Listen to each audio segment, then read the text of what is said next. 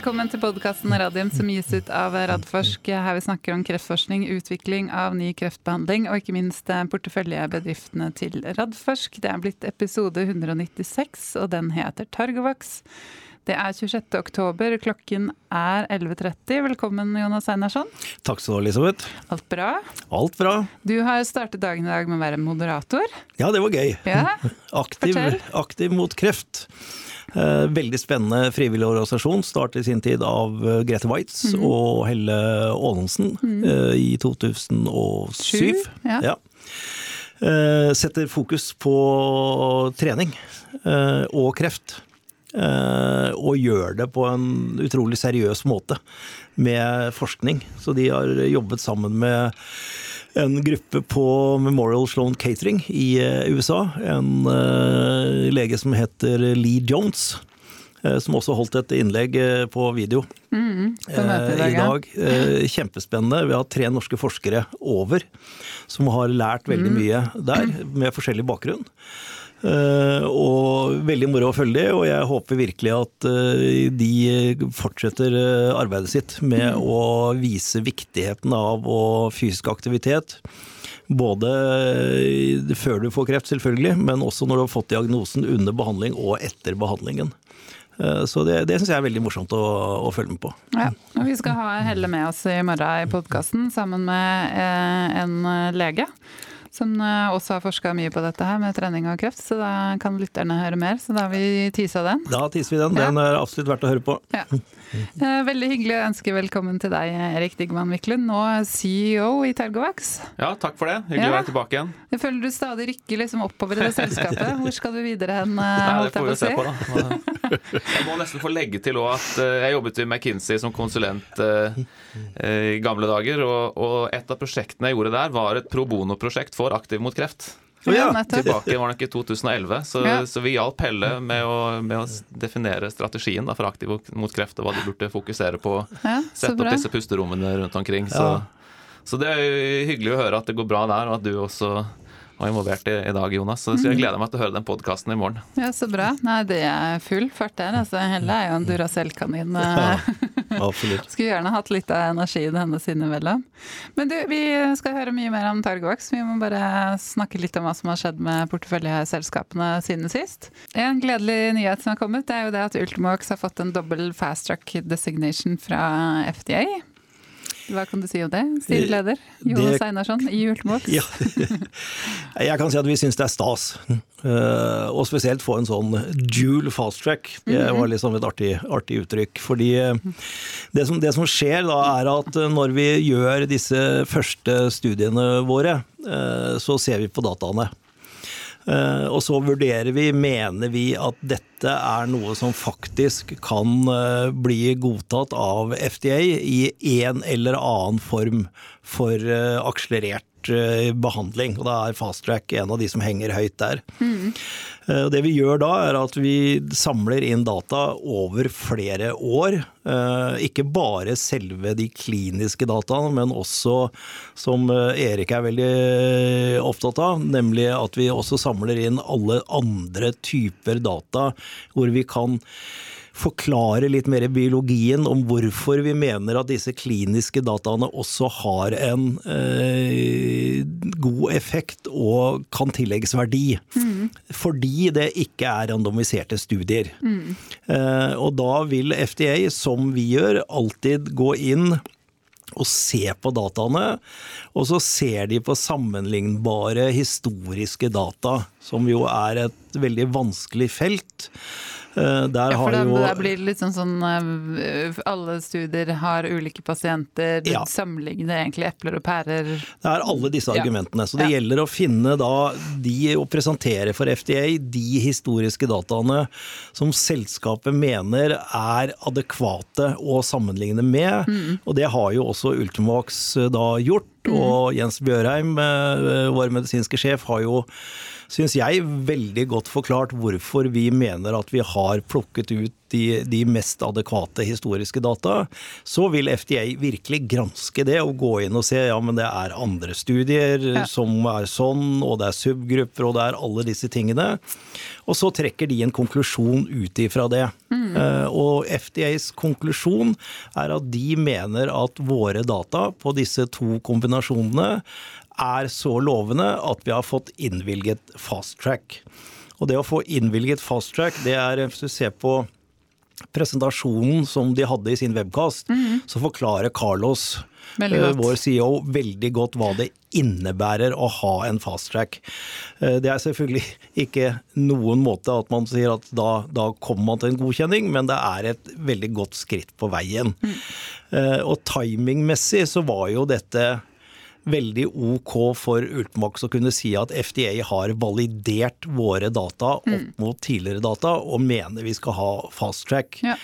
Eh, så jeg tillater meg å, å, å, legge til at eh, når det da kom en eh, ikke en analyse, men en uttalelse fra en analytiker i et herværende bankhus eh, for en drøy uke siden som nærmest trakk i tvil vår sammenligning av historiske data, så tror jeg det er bedre at vi kan henvise til FDA enn at vi skal gå inn i et munnhuggeri rundt det. Ja. Så det var veldig hyggelig. Ja, så bra.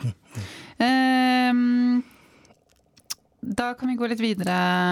Jeg tror, ja, Vi har en annen nyhet. Eh, Vaxibody de, har, de, er jo da i gang med en, den kliniske studien sin på koronavaksine, altså koronavaksine 2.0 blir det jo. Mm. Eh, og der har jeg akkurat snakka med Mikael, eh, fordi han og Agnete skulle egentlig vært her, kommet til studio neste uke, men de må ut på farten, så de får komme litt seinere. Jeg tror vi fant ut at etter eh, andre, nei, tredje kvartals eh, rapporteringa var lurt. Um, men eh, det han sa var at det hadde vært veldig fint om vi bare kunne nevne denne studien, for den er jo åpen for rekruttering. Og jeg tenker sånn med de økende smittetallene nå, og så ser jeg at eh, holdt på å si nesten alle, alle, som vil eh, kan være med. Så jeg lurer på om jeg skal melde meg sjæl. jeg ser at jeg må innom der mellom 11 og 15 ganger på sjukehuset. Men, men. Sykehuset er ved siden av her, er det ikke det? Det er sikkert Ullevål eller noe sånt, så det ja. burde jo la seg gjøre. Jeg får fri til å gjøre det i arbeidstida, gjør jeg ikke det? det gjør du. det gjør du. Det oppfordrer jeg også alle andre ja. til å, å, få lov til det. Ja, for den jo... studien her den åpnet for inkludering første i tiende, og den skal være åpen fram til første i sjuende. Og her kan man jo da bli med på viktig forskning, og ikke minst bidra til uh, viktig utvikling for et av våre holdt på å si, mest fremgangsrike norske biotekselskaper. Så det er jo vinn-vinn-vinn. Ja, det er det. Og jeg må jo si jeg er imponert over eh, farta her. Mm. Og fremdriften. Veldig. Eh, at de eh, allerede er i gang. Og vi ser jo at koronapandemien er ikke over. I hvert fall Nei, ikke i hele verden. Nå ble det snakk om å begynne med munnbind igjen lokale steder. Lokale steder høres ut som Oslo. ja. Det er sånn at vi, vi, vi, vi trenger å forske videre. Ja, vi og vi må ha noe som Altså bare mRNA-vaksinene med, med, med 90% 95% istedenfor 70-75 som vi har hatt på, på, de gamle vaksinene, er jo fantastisk i seg selv. Men, ja. men skal vi bli Kommer noen nye mutasjoner. Jeg ser de sliter i Storbritannia. Så der er det ja. veldig mye smitte nå. Der har du vel hatt mye AstraZeneca og Pfizer, tror jeg. Ja. Uten at jeg skal spekulere i hvem, ja. som, hvem av vaksinene som er best. Nei, så da, da går jeg ut ifra at siden du sier alle kan være med, at det er friske det står, frivillige? Eh, friske frivillige mellom 18 og 60 år allerede hatt to doser av en mRNA-koronavaksine, enten Pfizer og eller Moderna. Så da åpner de også for sånne hybrider som meg, som har fått en av hver. Det har gått minst seks måneder siden du fikk siste dose. Ja, der sleit jeg. Der falt jeg ut. jeg falt ut på alderen, jeg da, så ja. Erik? Er du Jeg er nok også utenfor den derre seksmånederen. Ja, ikke sant. Vi får vente litt, vi da. Ja, jeg òg. Så da må vi vente til hva blir det for noe? Klarer ikke å regne engang. Februar? Mars? Ja. Da kan vi bli med. For den er jo åpen, jeg må ta adenovirusvaksine, jeg som har uh, adenovirusbakgrunnen uh, her. Ikke sant. Ja. Du må forplikte. Ja. Nei, men da gå, gå inn på uh, Skal vi se, jeg kan legge den ut på våre sosiale medier, så kan dere finne den der hvis det er noen som man ser at man Men man kan slite med den der seks måneder siden siste dose. Ja, men det ruller jo på hele tida, da. Ja. Man, jo, jo, det kan man jo. Man men, runder, runder, de seks månedene, så ja. Så... Nei, for da, de, de, vil ha en cutoff der for å kunne måle. Gå ut fra det at de da måler antistoffer og, på cutoffen på seks måneder. Ja. Og så ser de om de får en boost, hvor mye den blir, ja. og så da følge de uh, med. For her, her, tror jeg at det viktige blir å vise en solid immunrespons, og kanskje mm -hmm. da en blanding av T-celle og antistoffrespons, som det jo kan være at vi får med, med den vaksinen. Ser jeg på deg, Erik, så får rette meg hvis jeg tar feil. Men også vise, vise hvor lenge den varer. Mm. Tror jeg, ja. uten å ha gått inn i det. Nei, Dataene er veldig tydelige nå på at tredje dosen er nok veien å gå. Ja. Pfizer publiserte jo sist uke fase 3, eller en stor 10 000 pasienter mm. i en randomisert studie, som var tredje dose. Det var vel da median tror jeg var elleve måneder etter første dosen. Så det er vel kanskje sånn ca. seks måneder etter man er ferdig, da. Ja. Mm. Fullvaksinert. Og det var jo en dramatisk forbedring. Hvis jeg husker mm. riktig, var fem av 5000, eller noe i den stilen, som ble, fikk korona i den boosterpopulasjonen, og 150 eller noe i ah, ja. den andre. Oi. Så det var jo en Ja, det var kjempeforskjell. Ja, det, min konklusjon av å se de resultatene er at ja. Eh, man skal ha den der tredje dosen, så det, det kommer nok inn eh, nå. Ja. ja. Og da er min, min, fordel at jeg er under 65 i februar, så da går jeg ut ifra at jeg får den da. Du får den tidligere da. da. Ja. men det kan jo tyde på at vi andre også kommer til å få den. Er det ikke Danmark som har begynt med den for alle? Ja, der har de begynt å kalle inn. Mm. Det kommer vel i Norge òg, vil jeg forvente, snart. Ja. Vi pleier å gjøre det samme som Danmark, har jeg lagt merke til. en sånn copy-paste. De har vel alltid vært litt mer progressive der. Ja. ja. Vi bare later som. Men du, um, over til, eh, over til uh, Targovax. Det har jo skjedd uh, flere ting i det siste. Men, kanskje mest sånn synlige er jo at du har tatt over som, som administrerende direktør etter Øystein Saug, som fremdeles er i selskapet. Han skal vel fungere som CFO inntil dere finner en ny person? Ja, det stemmer. Ja. Øystein han er med videre, i hvert fall inntil mhm. videre. Ja. Men fortell. Ja, det er jo veldig gøy å få den muligheten til å, til å ta over ledelsen i, i Targovax. Dette er en, en sånn udramatisk hendelse internt. Mm. Vi, vi, har kommet til et punkt hvor, hvor vi tar en mer vitenskapelig retning. Eh, både fordi vi har bygget opp nå en, en datapakke med Onkos 102 som er, eh, som er veldig dyp. Mm i, vi har gjort, vi har gjort usedvanlig mye eh, analyser på de pasientene vi har behandlet. og Det gjør jo at vi nå har muligheten til å, å, virkelig forstå hva som skjer med pasienten, og planlegge det neste steget vårt eh, enda bedre. Mm. Og Samtidig så gjør de dataene at vi kan eh, utvikle det vi tror er enda bedre og mer målrettede og effektive virus i, i fremtiden. Så konklusjonen ble at vi trenger mer, eh, mer vitenskapelig eh, orientert eh, leder, at det passer bedre nå. Og, og da spurte Øystein og styret meg om jeg ville ta den utfordringen, og det vil jeg selvsagt veldig gjerne. Så, mm. så det gleder jeg meg til å ta skikkelig tak i. Mm, så bra. Mm. Eh, hvis vi begynner da med Onkos 102, det er jo da hovedproduktet deres som dere vil ha nå videre i en, en, studie. Kan ikke du si litt om pasientene dere skal ha behandle i den studien, og også den studien, sånn som det ser ut per nå? Ja, Vi har jo fullført et uh, fase 1-2-program med Onkos 102, der vi har testet Aller først så gjorde vi en fase 1-studie med monoterapi i tolv pasienter. og så Basert på den så startet vi tre studier som eh, nå er i ferd med enten er ferdige eller er i ferd med å bli ferdige. Der vi har testet kombinasjonsbehandling. Så da har vi testet Onkos 102 i kombinasjon med PD1 sjekkpunkthemmer i melanom. Og så har vi testet i kombinasjon med kjemoterapi i mesoteliom. Og så har vi testet i kombinasjon med PDL1 sjekkpunkthemmer, eh, AstraZeneca sin, i, eh, i kolorektalkreft. Og den studien er fullrekruttert. Den kommer det data fra i slutten Eller i Ja, det blir nok litt ut i begynnelsen av neste år. Mm. Men eh, det er ikke så lenge til de siste pasientene er gjennom der. Den kjøres eksternt, den studien, så vi, er, vi har ikke helt uh, hånda på rattet der når det gjelder analysen og når, når dataene kommer. Ja. Men det er ikke langt unna. Så da har vi jo basert på den, den datapakken her uh, bestemt at neste steg for Targovax er at vi fortsetter i melanom som den primære indikasjonen. Mm. Og da mer bestemt PD1 altså PD1 sjekkpunkthemmer refraktær melanom. Mm. PD1 sjekkpunkthemmer er førstelinje standardbehandlingen alle får egentlig. Det er ryggraden mm. i, i melanombehandling. Og det er vanskelig å unngå, å, å kombi unngå kombinasjonen med det, egentlig, i melanom. Mm. Men det vi da ser på, er pasienter som har fått sin første omgang med PD1-hemmer, mm. eventuelt i kombinasjon med noe annet, og har progresjon.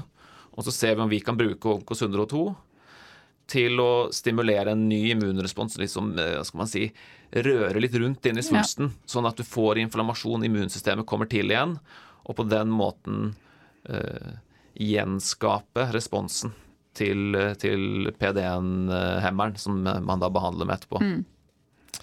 Så det, det, er det vi tester, og det er egentlig det konseptet vi fortsetter med. Men det som er interessant i de i den melanomstudien vi har gjort, så gjorde vi biopsi både på baseline, altså dag null, før pasienten begynner, og så gjorde vi en biopsi tidlig, etter uke tre, hvor pasienten kun har fått onkos, før pasienten får en sjekkpunkthemmer, og så en ny en på uke ni.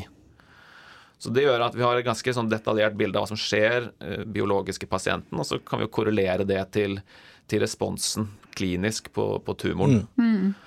Og vi har gjort eh, en rekke forskjellige analyser på disse pasientene. Vi gjør det man kaller immunohistokjemi, hvor man tar biopsien og fargelegger den, og så ser du i mikroskop hva slags celler som er der. og Da kan man mm. se T-celler og makrofager og andre immunceller som du ønsker å ha inn i svulsten, og presis hvilke de er. og Da har vi gått ganske dypt i å se ikke bare på at det er T-celler der, men presis hvilke populasjoner av T-celler du har.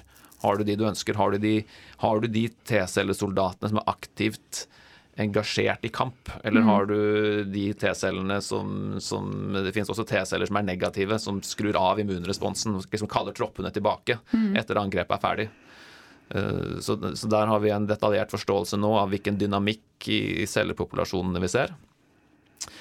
Og så har vi gjort eh, gensekvensering hvor vi kan se det totale genuttrykket inni svulsten. og Det gir jo liksom et fingeravtrykk av nøyaktig hva som skjer. Det er superinteressant. og Dette her er nybrottsarbeid. Det er krevende å gjøre disse analysene her i, i pasienter, fordi pasienter er heterogene, alle svulstene er forskjellige. Når du gjør det i, i, forsøk i celler i laben eller i mus, så har du homogene grupper som gjør at det er lett å se forskjellene. Det er veldig krevende analysearbeid. Mm og, og, gå gjennom disse gensekvenseringsdataene og finne forskjellene som er der. Mm. Men, men, eh, det er vi nå kommet langt med, det arbeidet, og vi begynner å forstå nøyaktig hva som skjer. Og det vi ser, er at relevante eh, molekyler blir enten oppregulert eller nedregulert, og det gir oss informasjon om hva vi kanskje bør kombinere med i, i fremtiden. For mm. så ser vi vi snakket om PD1-hemmeren, og en annen sjekkpunkthemmer som, som, er godkjent, er jo de mot CTLA4. Mm. Ipilimumab Yervoy, den første som ble godkjent. Mm. Og det vi ser nå, er at i de, de pasientene med respons i melanomstudien vår har i gjennomsnitt nesten 30 ganger økning i uttrykk av CTLA4 ja. på, på overflaten. Mm. Og naturlig å tenke da er at neste steg kanskje burde være en kombinasjon med, med nettopp CTLA4, da, i, i, tillegg antageligvis til PD1. Ja. Så nå bruker vi disse dataene til å gjøre vitenskapelig baserte beslutninger mm. på hvordan man bør utvikle uh, Onkos 102 videre i kombinasjoner hvor vi tror Vi har vist 35 responsrate til nå som er bra, men det tror vi kan øke betydelig ved mm. å finne rette kombinasjonspartneren. Både ja. for å forlenge uh, responsene og, og få flere pasienter til å få respons. Så dere prøver egentlig å sette opp en type målrettet uh, behandling på mange måter? Ut fra liksom den genetiske profilen Informert til Informert ut ifra det vi har lært ja. mm. til i dag. Så bra. Så det er planen. Mm. Vi hadde jo en, eh, og vi har kommunisert tidligere at eh, vi hadde så gode data at vi så en mulighet for å gå rett videre i en registreringsstudie. Mm. Vi så en mulighet for å eventuelt gjøre en, en single arm-studie, som man kaller det, med 100 pasienter og, på den måten kunne få en såkalt accelerated approval fra mm. FDA. Mm. Det har vi sett andre selskaper gjøre mm. og, og, har lykkes med, så vi ønsket å se om vi også kunne ta den snarveien. Så det, Vi sendte jo inn en forespørsel til, det, til FDA, som uh, vi hadde møte med dem i august. Uh, men vi fikk en tilbakemelding der om at, om at de ønsker å se større og mer detaljerte studier og, og, effektivt lukket vel døren for oss å gjøre den studien. Mm. Men eh, det er jo egentlig, en, egentlig så var det kanskje heldig for oss, fordi det som har skjedd det siste året her, er at FDA gjør nå en, eh, en skikkelig gjennomgang av sånne accelerated approvals de har gitt. Mm. Så flere Og grunnen til det er at når du får en accelerated approval på en liten studie, så krever FDA at du må gjøre en stor fase 3-studie etterpå for mm. å bekrefte at de resultatene du så i den lille studien, stemmer. Mm. Men dessverre så er det flere sånne accelerated approval som er gitt, hvor den påfølgende fase 3-studien ikke bekrefter resultatet. Mm. Og konsekvensen er da at de har trukket uh, disse tidlige mm. godkjenningene. Mm. Og, og, nå så, så, har de begynt å være veldig mye strengere på, på, å gi accelerated approval og på oppfølgingen av dem. Og senest på fredag forrige uke så var det jo to selskaper faktisk som mm. fikk eh, planene sine stoppet. Oncopeptides i, i Sverige uh, fikk sin accelerated approval uh, ja, de, de, fikk den vel ikke trukket formelt, men de endte opp med å trekke produktet sitt fra mm. markedet. Mm. Ja. Fordi uh, FDA ikke var, var bekymret for, for, oppfølgingen som kom. Mm. Og så var det også et selskap i USA, Genus, som, som også fikk negativ nyhet på sin var en studie med 150 pasienter i, i cervical cancer, hvor de egentlig har møtt primærendepunktet sitt, men FDA ja, stakk kjepper i hjulene for prosessen mm. og, og, lukket vinduet for den godkjenningen. Så vi er vel egentlig glad for at eh, vi fikk den eh, tilbakemeldingen før vi begynte, mm. og begynte å investere i dette her, fordi ja. dette er en dør som nå FDA lukker. Ja. Den har vært tilgjengelig en stund, og man har kanskje vært litt vel eh, sulten av, som mange selskaper, kjører på den veien, for det er en rask mm. vei til mål. Og er, den, den, later ikke til å være så veldig åpen eh, lenger. Nei. Jeg tror ikke de lukker døren, eh, Erik. Jeg tror de hever terskelen. Sånn at du må ha mye bedre power i de studiene som ja. du prøver å bruke som, som, katapult. De har vært litt, litt, litt, for små og litt for enkle. Nettopp. Og, og de må være Nå tenkte dere på en singelarm, og det er klart at med, det er jo ikke noe placebo i, eh, hvis Nei. dere hadde kjørt her, så det, det er liksom litt annerledes. Men, men ellers så, så, bør det nok være størrelsesorden det du sa nå, 150 pasienter eller mer, og, og randomisert. Eh, så, så, den, den hørdelen for å, å, kunne gå inn der er nok reist noe, og det er sikkert bare fornuftig. Ser ut som det er det som skal til, ja. Vi har jo f.eks. en av våre konkurrenter som heter Onkosec. De har en studie med 100 pasienter som nå leser ut hvert øyeblikk som de har guider på at de skal søke godkjenning, accelerated approval, på mm. i PD1-resistent melanom. De har vist 30% ORR tidligere, hvor vi hadde 35 mm.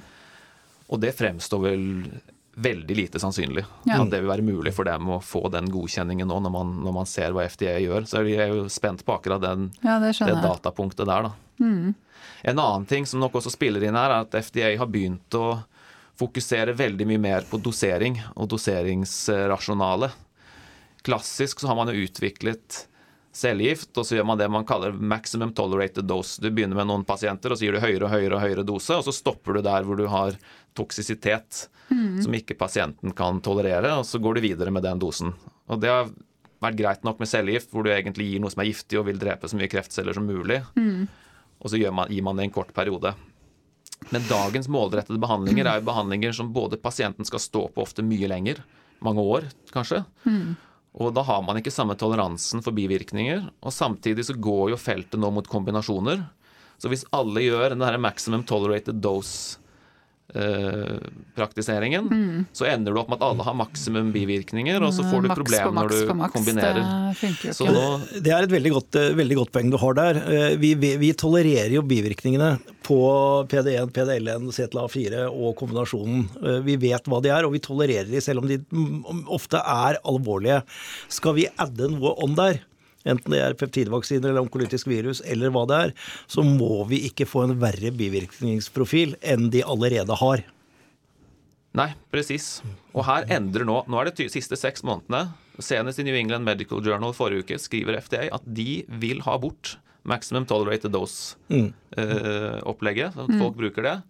Og vil gå til en mye mer eh, sofistikert metode hvor det faktisk ser ut til at de begynner å kreve randomisering i registreringsstudier med ulike doser. Ja. For å se hvilken, mm. finne reelt hvilken dose som er den med best kost-nytte. Mm. Og Der har vi et godt eksempel, og første som egentlig er her i høst med den uh, Sotorasib, drug fra Amgen, som ble godkjent, første medisin som ble godkjent mot rasmutert kreft. Mm.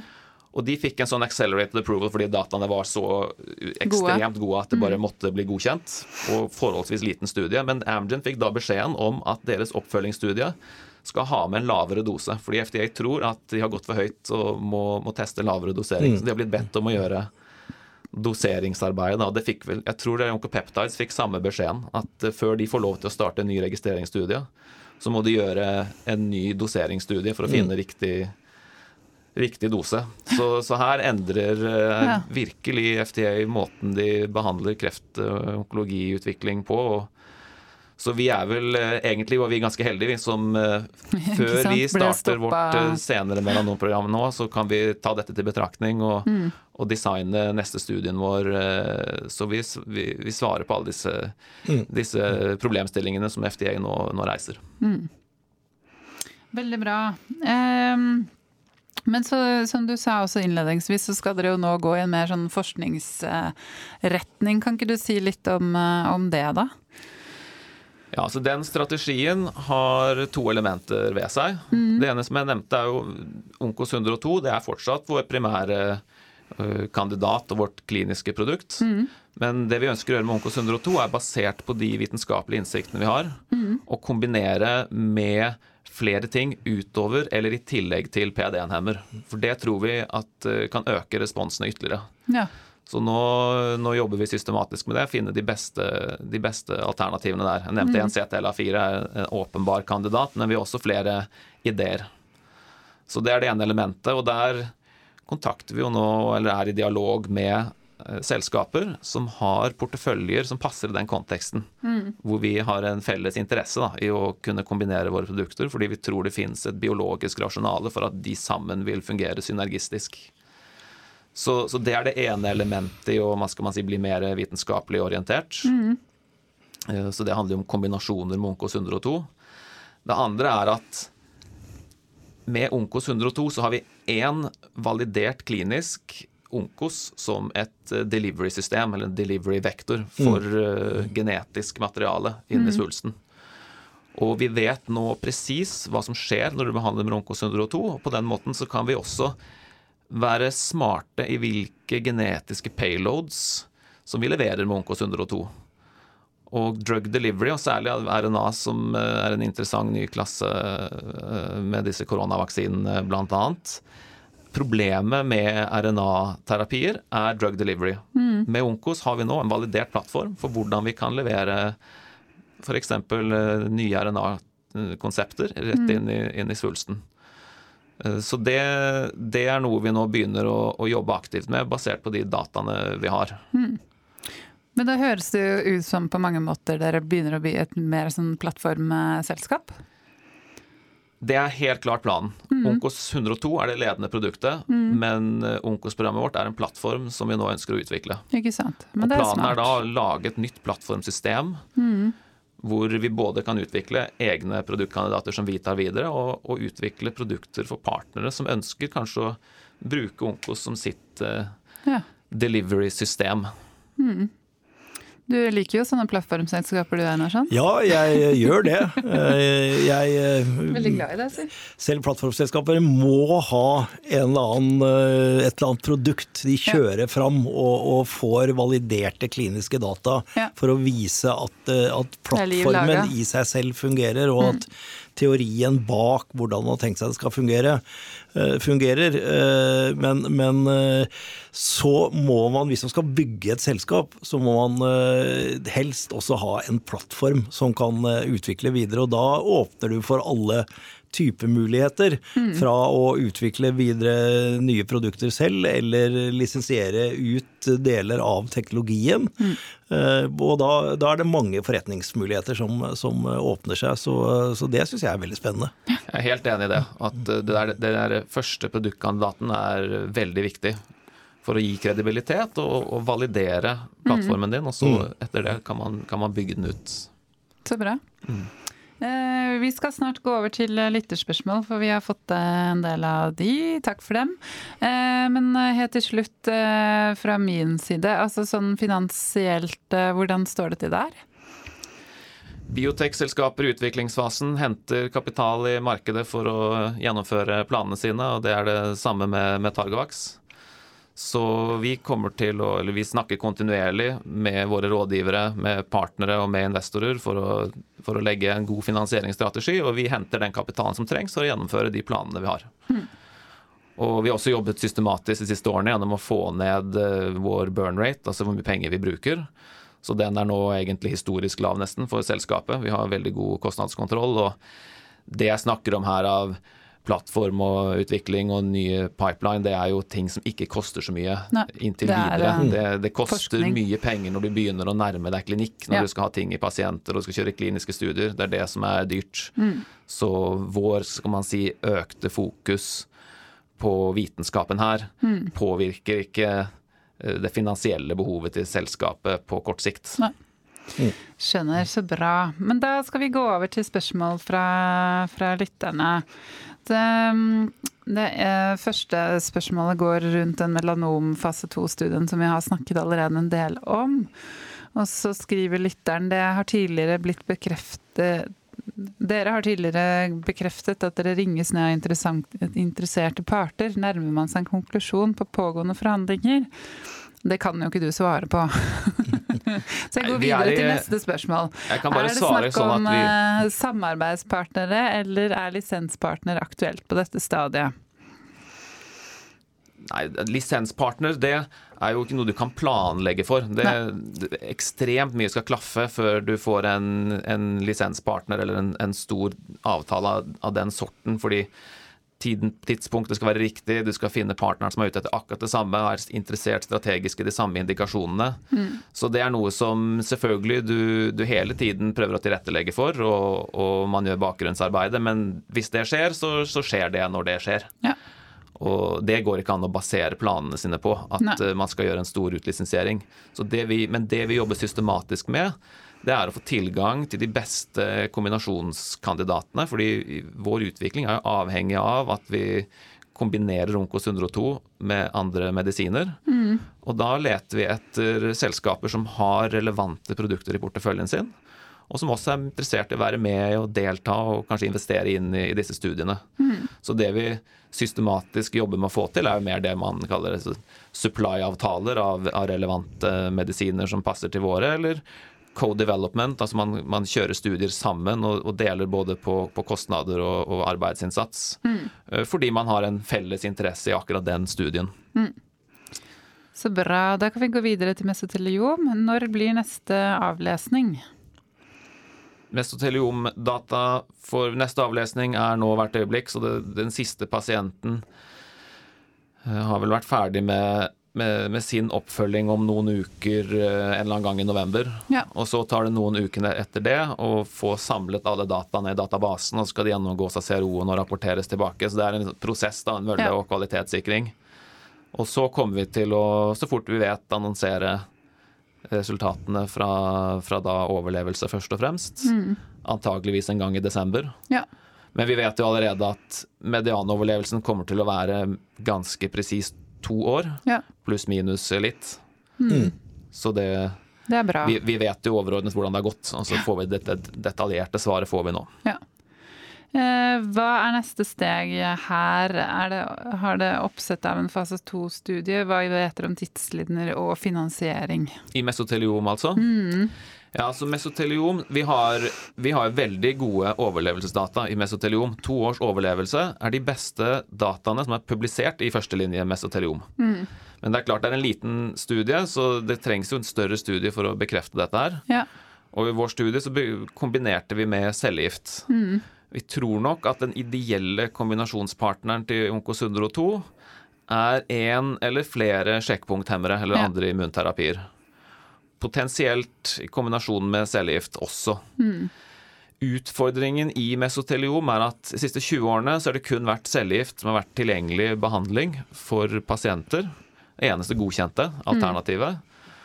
Og så, eh, for ikke så lenge siden, så ble dobbelt sjekkpunkthemmer, IPI-NIVO, ZLA4 PD1 godkjent. Mm.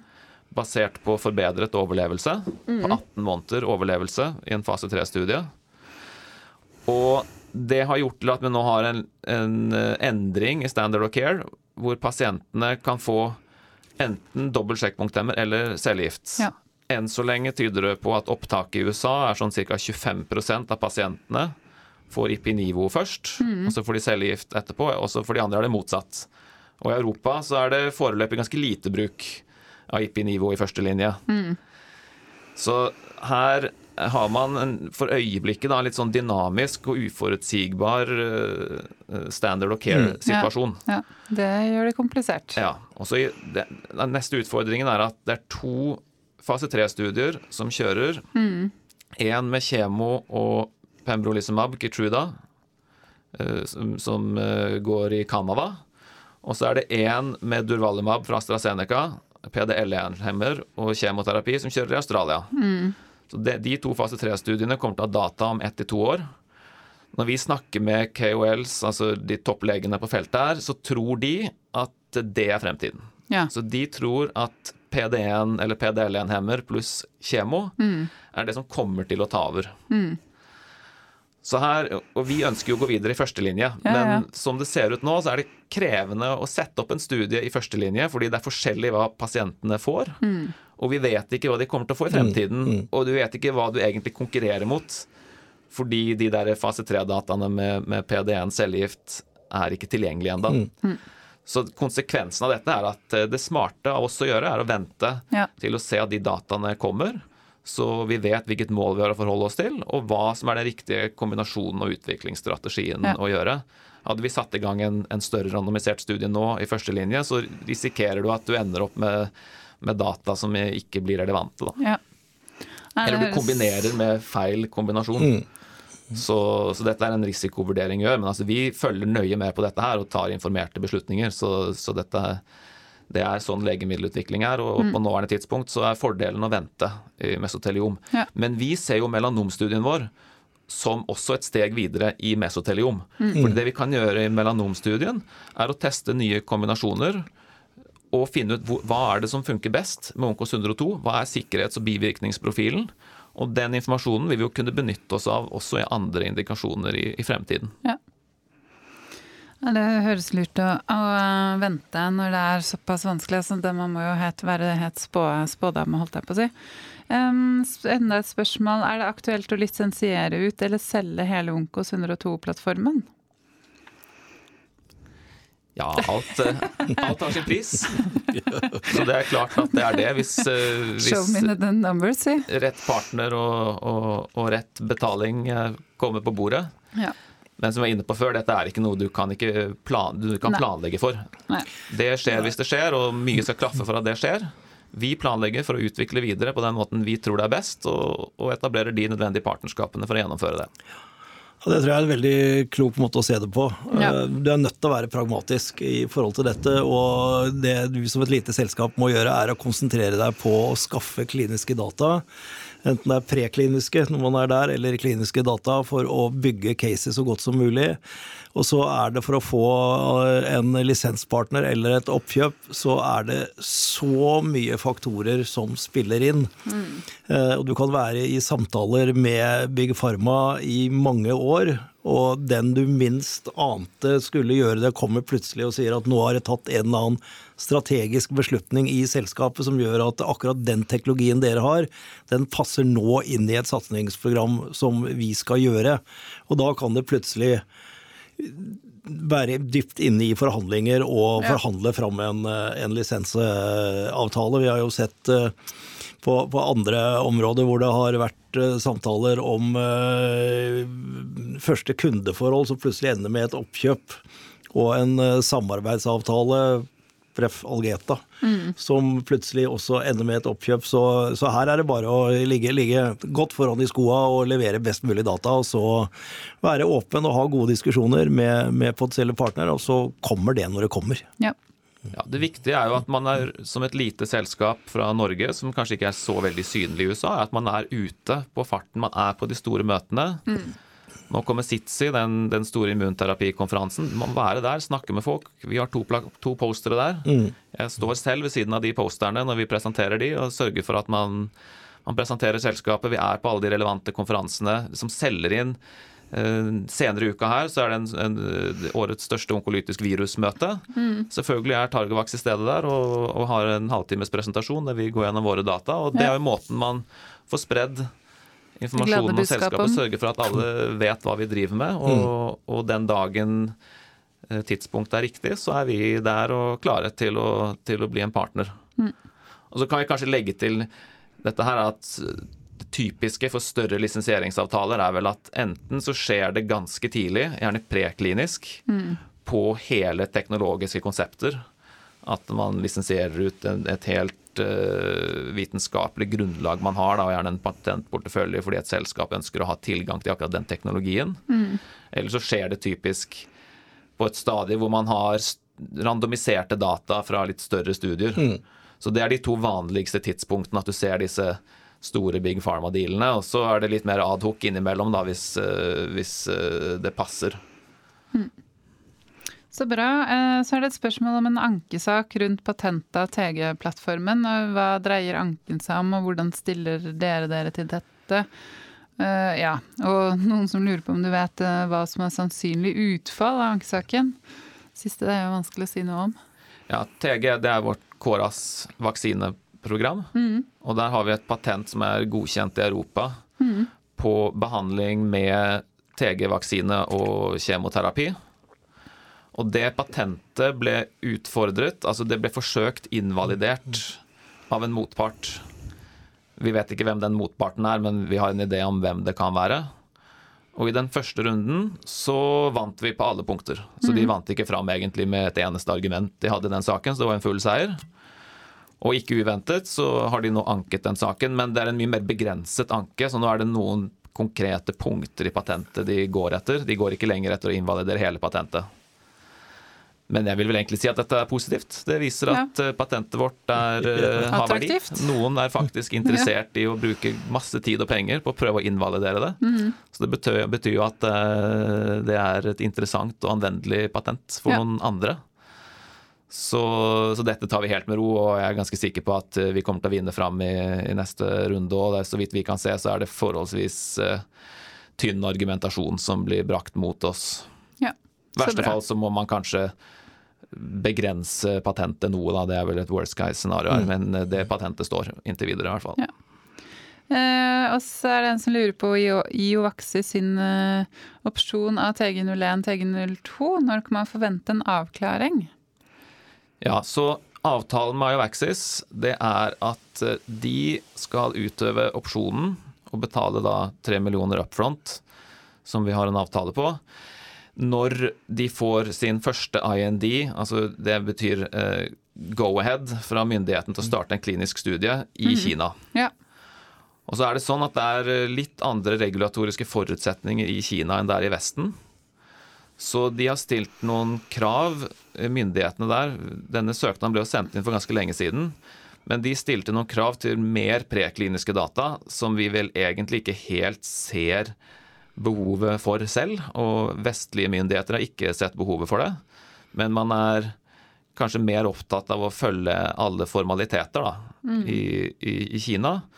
Så Ayavaxis har effektivt fått godkjent hele den kliniske delen i denne IND-søknaden og, og, planen deres for en studie, men blitt pålagt å gjøre noen prekliniske studier. Og, og, feedbacken er at så lenge de blir gjort, så kommer den IND-en til å bli godkjent. Da. Ja. Og de prekliniske studiene pågår nå mm. i Kina under regi av Iovaxis. Ja. Og ja, en gang i neste år så kommer de til å være klare, og så blir de sendt inn. Og så blir det da behandlet av, av myndighetene i Kina, så frem de mm. mener de resultatene er ok så forventer vi et grønt lys.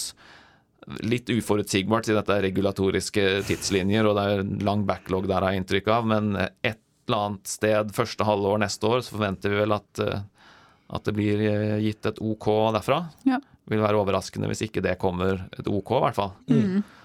Så, og så er det opp til Ivaxis. Da. Det er jo de som bestemmer om de ønsker å utøve opsjonen. Ja. Men det er klart de har investert ganske mye tid og ressurser ja. inn i dette her nå. Og I hvert fall hvis de gjør prekliniske ting eh, i tillegg, liksom. Ja, så det vil jo være ja.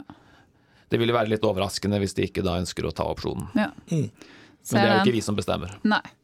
Eh, så er det som lurer på om dere har eh, ambisjoner å montere selskapet i USA? Det er jo en tema som ofte kommer opp, og det har fordeler og ulemper med å ha en, en sånn dual listing, som man kaller det, med, mm. med aksjene også notert på Nasdaq. Mm. Vår vurdering er at det er nok ikke aktuelt før vi er i litt senere fase og et litt større selskap. Ja. Så vår vurdering for øyeblikket er at det nok er prematurt, men det er noe vi har på agendaen vår til enhver tid, og, mm. og ser an når det eventuelt kan være riktig å, å gjøre. Ja. Men ikke på nåværende tidspunkt. Nei. Og så er det siste spørsmål eh, om eh, det blir en endring av strategi, nå som du har gått inn som administrerende direktør? Ja, jeg ønsker jo å ta Targovax i en mer vitenskapelig retning. Vi mm. har en, nå har vi en klinisk validert plattform som virker. Vi vet hva som skjer inni svulsten. Vi har et helt eh, unikt eh, datasett. Og jeg ser store muligheter for hvordan vi nå kan videreutvikle dette fremover. Og det er det jeg vil bruke min eh, tid på, og det er den muligheten vi nå skal ta når vi mm. går videre. Og jeg har jo bakgrunn som, som forsker selv, og gjorde en, en doktorgrad i mm, RNA-biologi og epigenetikk. Og da jeg gjorde det, så, da jeg holdt på med det, så litt tilfeldig, jeg og en, en kamerat i, i laben der snublet eh, over noen litt snodige RNA-er. Og de RNA-ene viste seg å være sirkulære. Mm. Vanligvis har man alltid sett på RNA som et lineært ja, ja. molekyl. Men, men vi, vi, fant første eksempelet på at RNA også finnes biologisk som, i, sirkulær form. Mm. Og så sluttet jeg med forskning i 2011, men han, han min kollega der, Thomas Hansen heter han, han, han eh, har bygget seg en karriere da, på, på sånn her sirkulær RNA. og blitt, mm. Han er liksom den verdensledende pioneren da, på, på, sirkulært RNA. Og har etablert dette som et nytt felt, hvor man har, nå forstår den biologiske mekanismen til sirkulært RNA, presis hva det gjør inni cellen. Det, finnes, mm. det viser at det fins tusenvis av, av disse her. Og det man også har funnet ut av, er at du kan bruke sirkulært RNA til å uttrykke gener. Som altså det kan være en messenger-RNA. Mm. Og du kan altså kode for proteiner mm. i sirkulært RNA. Det er noe som er ganske nytt. Og det er meget interessant, fordi et problem med mRNA, disse mRNA-vaksinene, er at det er veldig ustabilt. Mm. Så de blir brutt ned kjapt. Ja. Og det er egentlig det som har holdt mRNA-vaksinene tilbake. Man har ikke klart å knekke den der holdbarheten. Mm. Og man har heller ikke hatt gode nok delivery-systemer. Mm. Men nå har man en mulighet med holdbarheten. Kan du løse gjennom å sirkularisere mm. RNA? Ja, ja. Da blir ikke, for RNA blir brutt ned fra endene. Ja. Så en sirkel er resistent mot vanlig nedbrytning. Mm. Og, og, dessuten så har vi Targovax en validert delivery-plattform som vi kan mm. bruke til å levere RNA rett inn i svulsten. Så det er det vi nå går i gang med. Å utforske Onkos som en plattform for å være leveringsmetode for nye RNA-konsepter. Og det første vi ser på nå, er, er sirkulært RNA.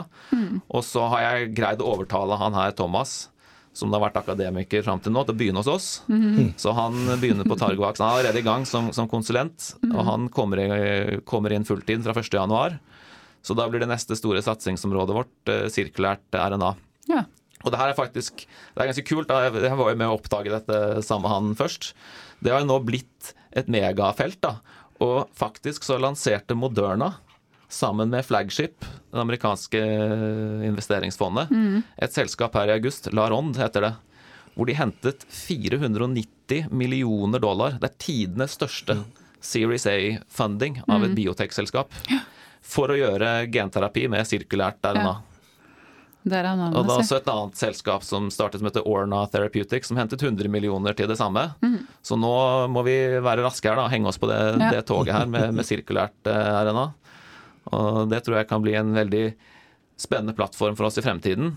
Som vi kan, som jeg var inne på før, lage, bruke som et system for å lage en rekke forskjellige produktkandidater med masse interessant biologisk funksjon. Mm. Så det er vel det vi har, vi har, jobbet med dette her en stund internt, og nå tok vi beslutningen om å gå full fart fremover med det. Mm. Og det er også deler av grunnen til at eh, det ble naturlig at jeg også tar over ledelsen av, av selskapet. da. Ja. At jeg har denne bakgrunnen mm. i feltet. Ser den. Så dette gleder jeg meg veldig til, å komme i gang med. Det blir mm-hmm. utrolig kult hvis vi faktisk lykkes, eh, lykkes med det. Mm. Siden, siden, jeg har den historikken. da. Så det blir gøy. Mm. Så bra. Ringen er sluttet. Ja. Eh, Bokstavelig talt. talt. Morsomt og liksom morsomt. ja. Slår til innimellom, vet du. Men du, eh, Einarsson, vi ses i morgen for å høre litt mer om trening og kreft. Vi får trene litt i mellomtida. Du må ha masse lykke til, Erik. Og så vi ses jo snart igjen. Ja, takk for ja. det. Mm. Jeg kommer gjerne tilbake igjen. Ja, Flott. Takk for i dag.